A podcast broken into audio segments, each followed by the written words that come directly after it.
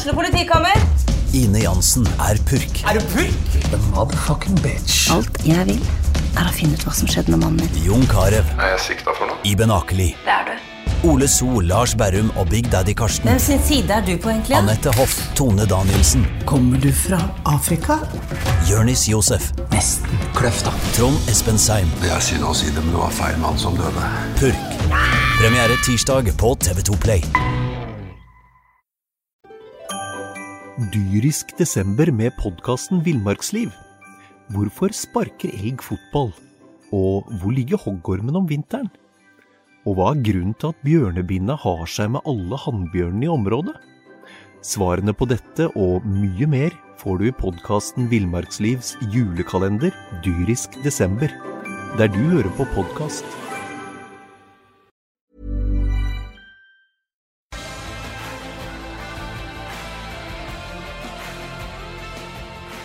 Sarpsborg Arbeiderblad presenterer SA-podden. Sarpsborg Arbeiderblad er på plass på Sykehuset Østfold eh, Kalnes. Og vi eh, sitter her med overlege Bjarte Tidemann Andersen. Hei på deg. Hei. Du reiser nå snart til eh, Etiopia sammen med to andre fra Sykehuset Østfold. Eivind Søby og Vegard Ottosen. Og da skal dere drive med noe spennende kalt afrikakirurgi. Ja, det er et veldig spennende tema. Nå har jo jeg reist til Etiopia i eh, mange år. Og har eh, fått et eh, stort kontaktnettverk og kjenner etter hvert mange i Etiopia. Og eh, jeg er engasjert i en stiftelse, TESFA, som har prosjekter på flere sykehus. Det vi skal konsentrere oss nå denne gangen, er i Addis Abeba, hvor vi er med på å utvikle tarmkreftkirurgien og innføre kikkelkirurgi. Samtidig skal vi også besøke sykehuset i Soddo, hvor vi er med å utdanne leger til å bli kirurger. Så jeg gleder meg veldig til den, denne turen også. Hva innebærer afrikakirurgi? Hvordan er fasilitetene, og hvordan står det til med helsevesenet der nede? Det er jo så eh, forskjellig. Eh, Bor du i de store byene og har penger, så får du behandling som er like bra som i Vesten. Eh, Det, det kan man få mange steder. Samtidig så er det jo en stor andel av befolkningen som bor litt lenger ute på bygdene. Der er jo fasilitetene mindre. Og bor du langt ute i bushen, så, så er det svært dårlig med helsetilbud til pasientene. Og jeg har jo vært kirurg på et eh, sykehus langt ute i bushen og eh, opplevde mye der. Og som kirurg der må du jo operere alt mulig, fra, fra toppen av hodet til, til tærne. Så jeg tenker at dette med afrikkirurgi det, det innbefatter så veldig mye forskjellig. Eh, som sagt, eh, men har vi flere prosjekter i Etiopia, og i Addis er det tarmkreftkirurgien, og det gjør vi på samme måte som hjemme. Men når vi er ute i bushen, så må vi ta tak i alt det som kommer der. Fasilitetene der er ikke alltid sånn som man er vant til her. Nei, det er jo veldig forskjellig, men kirurger trenger jo ikke så mye utstyr. Vi trenger pasient i narkose og enkle instrumenter, så kan vi operere ganske mye. Eh, en eh, historie som eh, kanskje skiller seg litt ut fra reisene dine. Nå måtte du bruke noe utradisjonelt. Superlim. Ja, det, det er faktisk en historie fra 2012, hvor jeg var på sykehuset i Soddo. Der var det en ung gutt, han var tolv år gammel. og Han hadde da falt bakover og fått eh, da en 100 kg bomullssekk over seg, og da slått bakhodet mot bakken.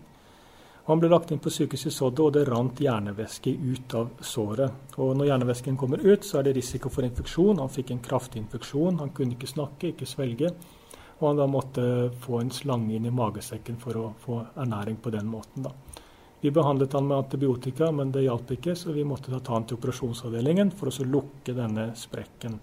Nå har jeg gjort det før eh, andre steder, men det som var spesielt her, er at den sprekken den lå over store blodårer, slik at jeg torde ikke gjøre det på den vanlige måten, og tenkte jeg skulle lukke det med vevslim. Jeg hadde funnet en tube med Veselin på lageret, og når jeg tok den ut, gutten i narkose, så var den tuben inntørket og kunne ikke brukes.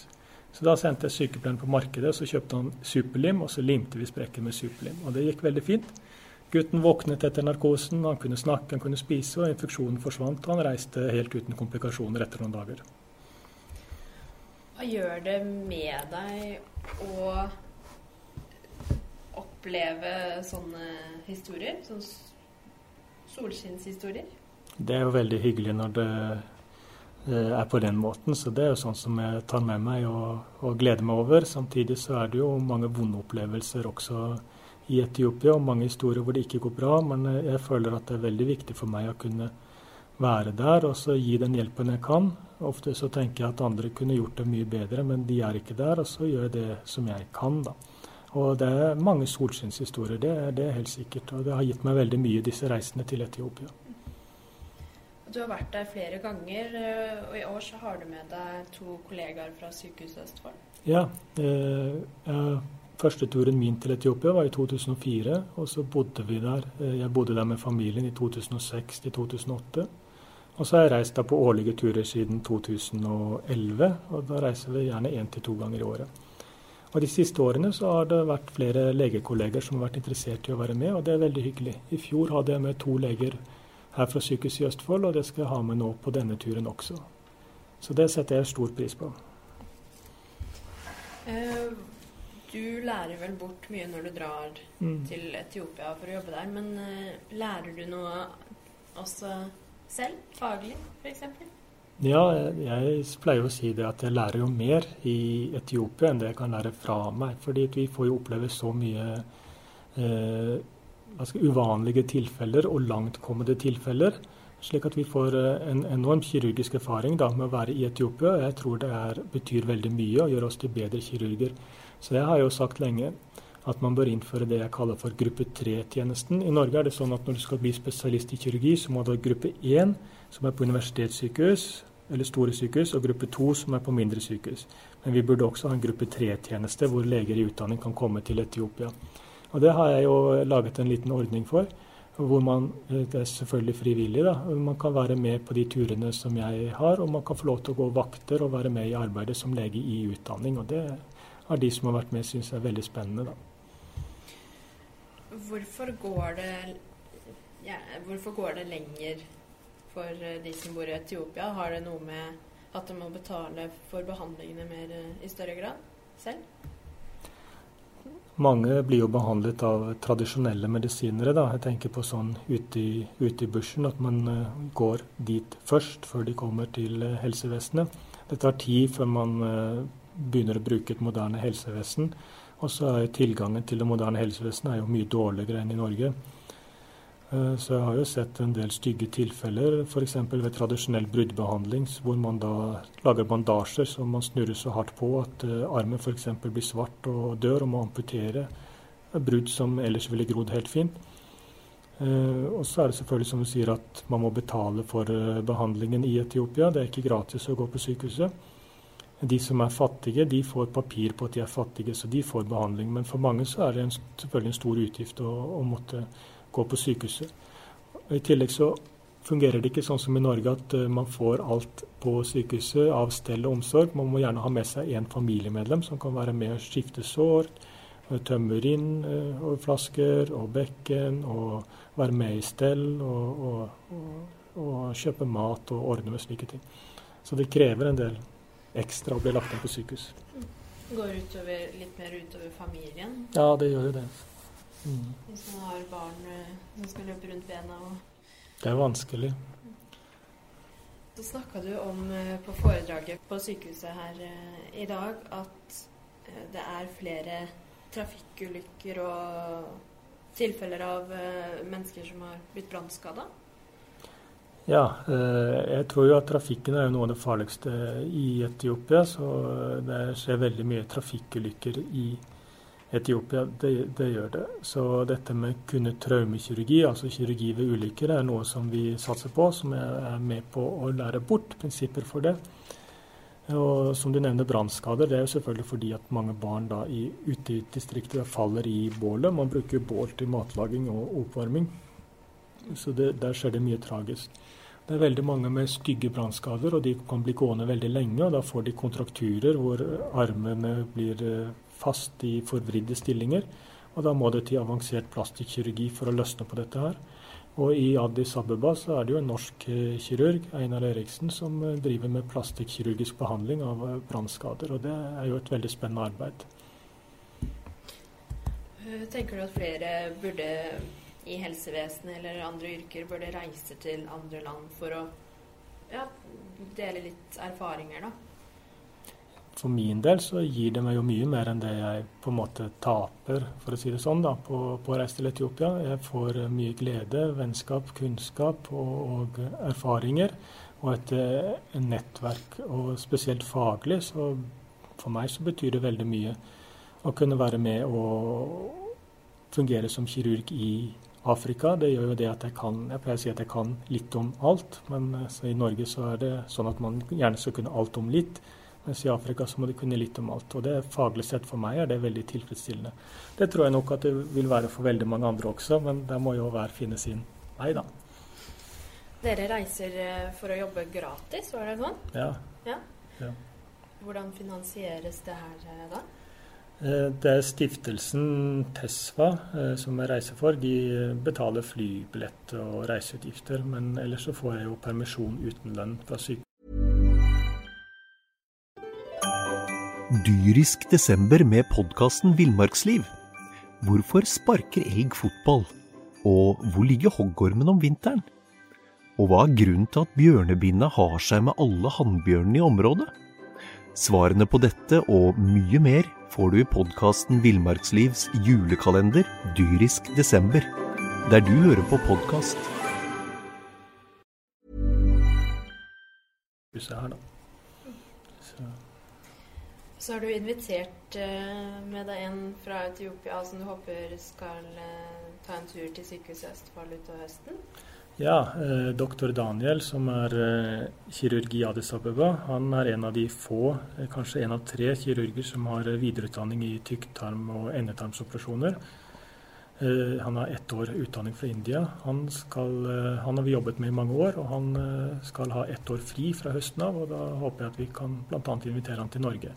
Så har jobbet, Jeg har jobbet med han i flere år, og det er sammen med han at vi innfører kikkelkirurgi da, i, i Addis Abeba. Så vi noen eksempler eh, på presentasjonen i dag at eh, det er flere yngre jenter som føder i Etiopia. Og så uh, fortalte du at det er 300 kirurger blant 91 millioner innbyggere. Ja, nå er det nok litt flere. Det er 100 millioner innbyggere i Etiopia, og antall kirurger den øker jo.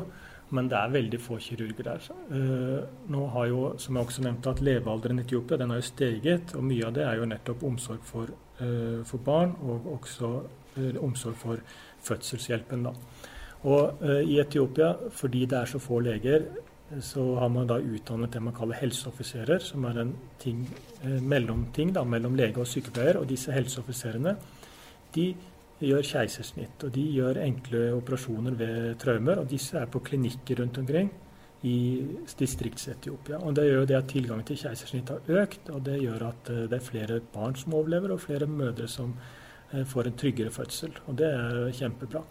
Og For meg som kirurg så er det jo også viktig å kunne keisersnitt, så jeg pleier å gjøre en del keisersnitt når jeg er i Etiopia. Da.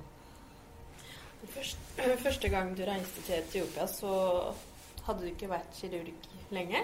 Da jeg, hadde jeg to og et halvt års erfaring i utdanning i kirurgi. Ja.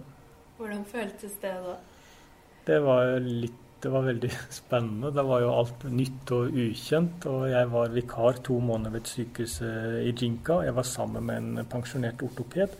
Så det, vi to til sammen vi fungerte vel som en helkirurg. Eh, det var 100 eh, operasjoner på de to månedene, og halvparten av de var jo større operasjoner. da. Reiser du med familien din eh, når du nå skal reise i april? Eh, nei, denne gangen er familien hjemme. Vi har eh, som sagt bodd i Etiopia. Da var jo selvfølgelig familien med. Og så har de vært med på to av turene senere. Det koster jo en del å ha med familien, men barna er veldig interessert i Etiopia og vil gjerne dra tilbake dit. Og jeg håper at jeg kan ta dem med senere, da.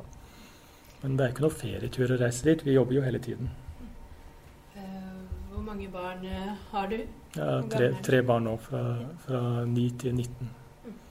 Og de er eh, interessert i Etiopia? Ja, ja. Så de, de, vil gjerne, de snakker om Etiopia og vil gjerne dra tilbake dit på besøk.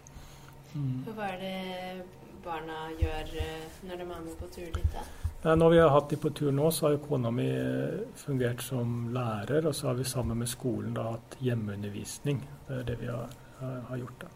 Og Så får de jo opplevd det mye spennende. Jeg hadde jo med datteren min, hun som er 19 år, skal vi se, for tre år siden var det vel. Hun var 15-16 år. Da var hun jo med og fikk være med på keisersnitt, og det var jo spennende. Hvordan er eh, været der nede? Er det varmt å jobbe ja. Eh, er, altså har jo, eh, vi har jo ikke de papirfrakkene vi har i Norge, så vi har jo sånn tøyfrakker. altså Under der så er det gjerne en lærfrakk eller en plastikkfrakk for at det ikke skal søle blod på, så det kan bli ganske hett. Det kan det. Og så er jo selvfølgelig temperaturen uh, høyere. I Addis Abeba, som ligger på 2400 meter, er det jo som en god norsk sommer, men når du reiser litt sørover og ned i lavlandet, så kan det bli veldig varmt. Så jeg har svetta en del der. Og, men det, vi kan gjøre Av og til så åpner vi vinduet, så har vi vifter. Så det er sånne ting som man ikke gjør i Norge, da. Mm. Vi må fortsatt prøve å holde hodet kaldt så langt det lar seg gjøre. Ja, ja. Det, det, skjer jo ting der på operasjon som ikke skjer hjemme. Jeg husker en gang hvor jeg gjorde keisersnitt, og så gikk strømmen, og så står du der i mørket, og så måtte du bare fortsette i mørket da, mens eh, sykepleierne sprang og hentet lommelykt. Så det er jo sånne morsomme historier. Det gikk eh, bra både med mor og barn Det er godt å høre. Eh, kan du si litt om TEFSFA til slutt? For dere ønsker å være en utstrakt hånd til dem som trenger det mest? Ja. Nå var jo de to første turene mine, eller vår damefamilien, i 2004 og, og 2006 til 2008, det var for Norsk Luthersk Misjonssamband. Og Siden så har jeg da eh, vært med, engasjert i stiftelsen TESFA. Jeg var med på å stifte den i 2010. Og det er fordi at vi ønsker å drive eh, kirurgi da, i Etiopia, eh, både i et misjonsperspektiv og et bistandsperspektiv. Så eh, vi støtter da utviklingen av kirurgi i Etiopia, og vi støtter eh, etiopiske leger til videreutdanning. Og samtidig så gir vi reisestøtte da, til de som reiser for stiftelsen til Etiopia. Og Stiftelsen har også fått støtte fra Lions Club i Vestfold. Og sammen med Lions Club så sender vi nå stomiposer til Etiopia.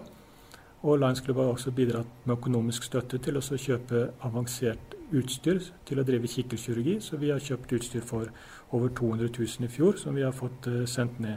Som er med på å starte opp kikkelkirurgi i Etiopia. Så det, det, er et veldig spennende prosjekt. Nå har de jo drevet med kikkelkirurgi i Etiopia i flere år, men de fjerner ikke alle bærer med kikkelkirurgi. Men det som vi driver, vi tar det et hakk videre, vi da opererer tarm med kikkerkirurgi. Stomiposer. Når de ikke har det der nede, så har de andre kreative løsninger. Ja, um, man prøver jo å unngå å lage stomier i Etiopia, for det er kulturelt vanskelig, og det er praktisk veldig vanskelig. Og det hender jo også at pasienter sier at de vil heller dø enn å få stomi. Eh, men får man først en stomi, så løser man det på mange måter. Noen bruker vanlige plastikkposer, eh, blikkbokser. En pasient uh, brukte en sånn, er det, sånn maiskolbe, den, den, innerste stangen da, når du tar av maisen, og så putte i stomien som en plugg. Så, men det fører til lekkasjeproblemer, det er lukt og det er sår, og det er sosialt veldig stigmatiserende. Man kan få kjøpt stomiposer i Etiopia, men de er dyre og, og av dårlig kvalitet. Så vi tenker det at vi ønsker å bidra til at man får bedre stomiomsorg. Og da sender vi stomiposer til eh, Stomiforeningen i Addis Abeba og til utvalgte sykehus.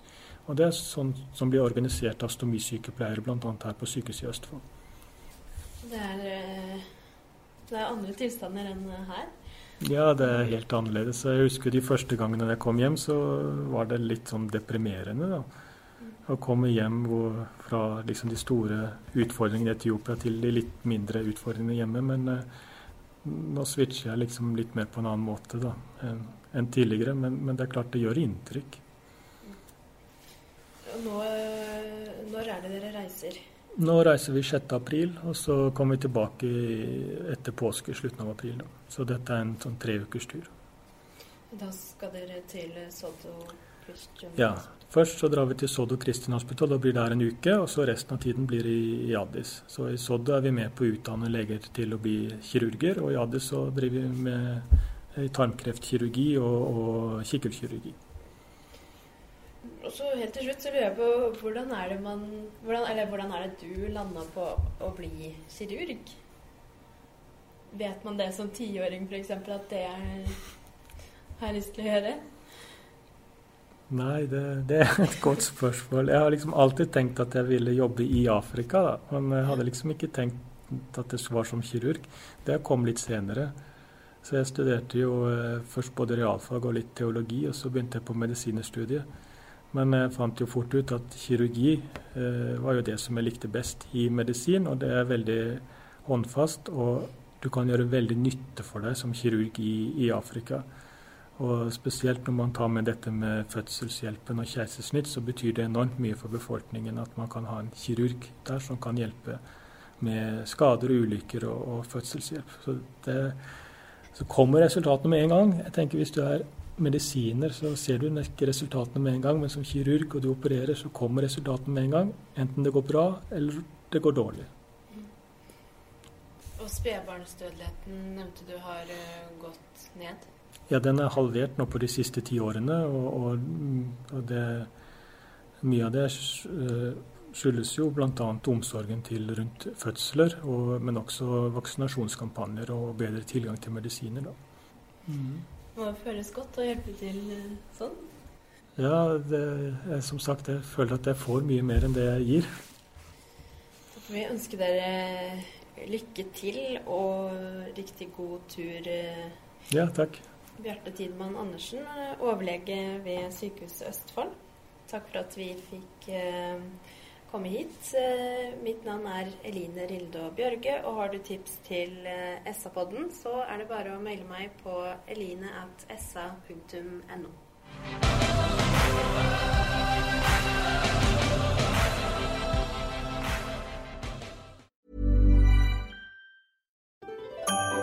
dyrisk desember med podkasten Villmarksliv.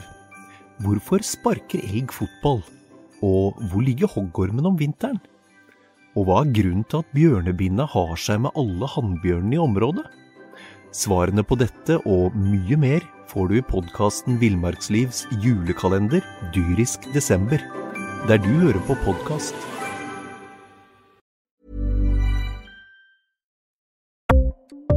Ukens annonsør er HelloFresh. HelloFresh er verdens ledende matkasseleverandør og kan være redningen i en travel hverdag. Mange av oss har nok vandret i butikken både sultne og uten en plan for middagen, som ender med at vi går for de samme kjedelige rettene gang på gang. Middag burde være dagens høydepunkt. Som HelloFresh kan du nå velge mellom 25 ulike retter hver eneste uke, eller få HelloFresh til å sette sammen menyen for deg. Dette gir deg muligheten til å prøve nye og spennende retter alene eller sammen med familien. Du velger antall porsjoner og får alt levert på døren på et tidspunkt som passer for deg. Oppskriftene er enkle, og maten er lett å lage både for store og for små. Ved å få alt levert hjem får du også mer tid til å dele matgleden med familie og venner. Kanskje det frister med asiatiske tacos eller greskinspirert kylling? Da kan jeg anbefale deg om å gå inn på hellofresh.no.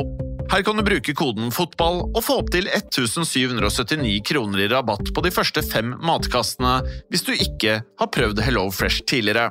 Du kan også bruke rabatten hvis du har vært kunde og stoppet abonnementet ditt for tolv måneder siden eller lengre.